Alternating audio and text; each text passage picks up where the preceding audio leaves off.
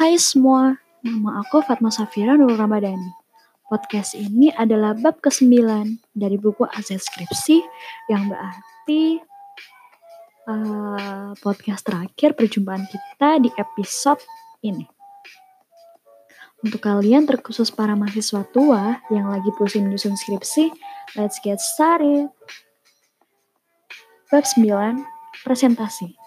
Presentasi merupakan saat yang penting untuk menjelaskan kepada tim penguji atau audiens tentang isi karya tulis yang kita buat. Presentasi juga menentukan penilaian baik dan buruknya karya tulis yang telah kita buat. Oleh karena itu, persiapan yang matang sangat dibutuhkan untuk merancang presentasi yang baik. Hal yang sering kali dilupakan oleh mahasiswa ketika menjalani proses penyelesaian tugas akhir adalah persiapan yang kurang atas presentasi. Hal ini mudah difahami karena biasanya mereka menghabiskan hampir keseluruhan energinya untuk menyelesaikan tulisan-tulisan dalam skripsi. Akibatnya, mahasiswa tidak mendapatkan hasil yang maksimal dalam ujian kompre meskipun tulisan dalam skripsinya sangat baik. Dalam presentasi, Mahasiswa dituntut untuk dapat merangkum hasil tulisan secara ringkas, jelas, dan padat. Mereka juga diharapkan dalam menampilkan performa yang baik. Menyangkut isi yang dibawakan, tampilan presentasi, gestur tubuh, eye contact, maupun penguasaan diri. Berkaitan dengan isi yang dibawakan, presentasi diharapkan dapat benar-benar mensarikan mana-mana saja informasi yang sangat penting untuk ditampilkan.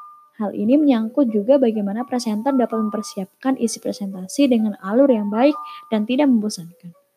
Satu hal yang diperhitungkan berkaitan dengan isi yang dibawakan, presenter diharapkan tidak mengeluarkan atau memaparkan materi-materi di luar koridor skripsi serta tidak melemparkan bola panas atau statement-statement yang meragukan dan menimbulkan pertanyaan yang sulit.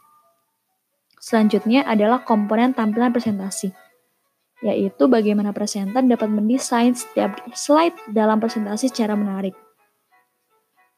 Hal ini menyangkut pemilihan kontras warna, pemilihan font yang tepat, serta background yang mendukung.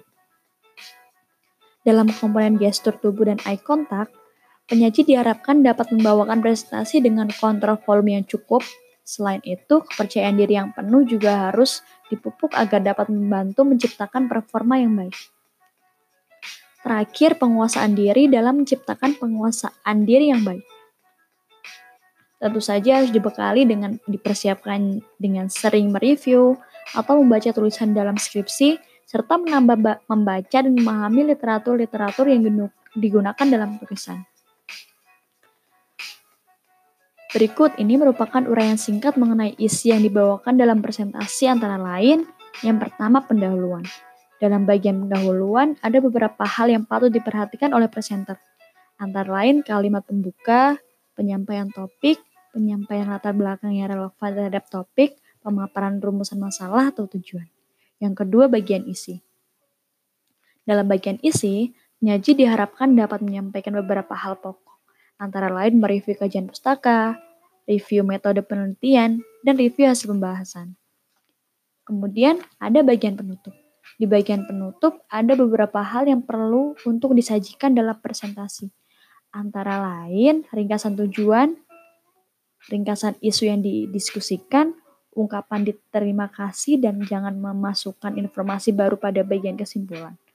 Dan kes terakhir kesimpulan. Presentasi merupakan bagian hampir akhir dalam proses penyelesaian tugas akhir.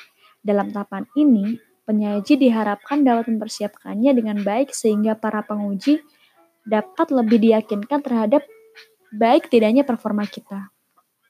Dalam presentasi, tentu saja penyaji harus semaksimal mungkin menguasai isi slides yang dibuat. Selain itu, penyaji juga diharapkan dapat hafal urutan-urutan serta penjelasan dalam slide. Namun, sebisa mungkin flow dari style presentasi juga harus diusahakan senatural mungkin dengan diimbangi eye contact dan gestur tubuh yang tepat. Terakhir, Berikut akan dipaparkan beberapa hint yang mungkin dapat membantu memperlancar presentasi. Yang pertama, gunakan kartu kecil sebagai notes atau pengingat penjelasan presentasi. Yang kedua, mulailah mempersiapkan presentasi sedini mungkin. Yang ketiga, diulang, diulang, dan diulang latihannya. Yang keempat, Mengerti secara menyeluruh, presentasi Anda akan dapat mengontrol nervous. Yang kelima, lihatlah audiens atau penguji. Dan yang keenam, pastikan waktu presentasi sesuai dengan yang dijadwalkan.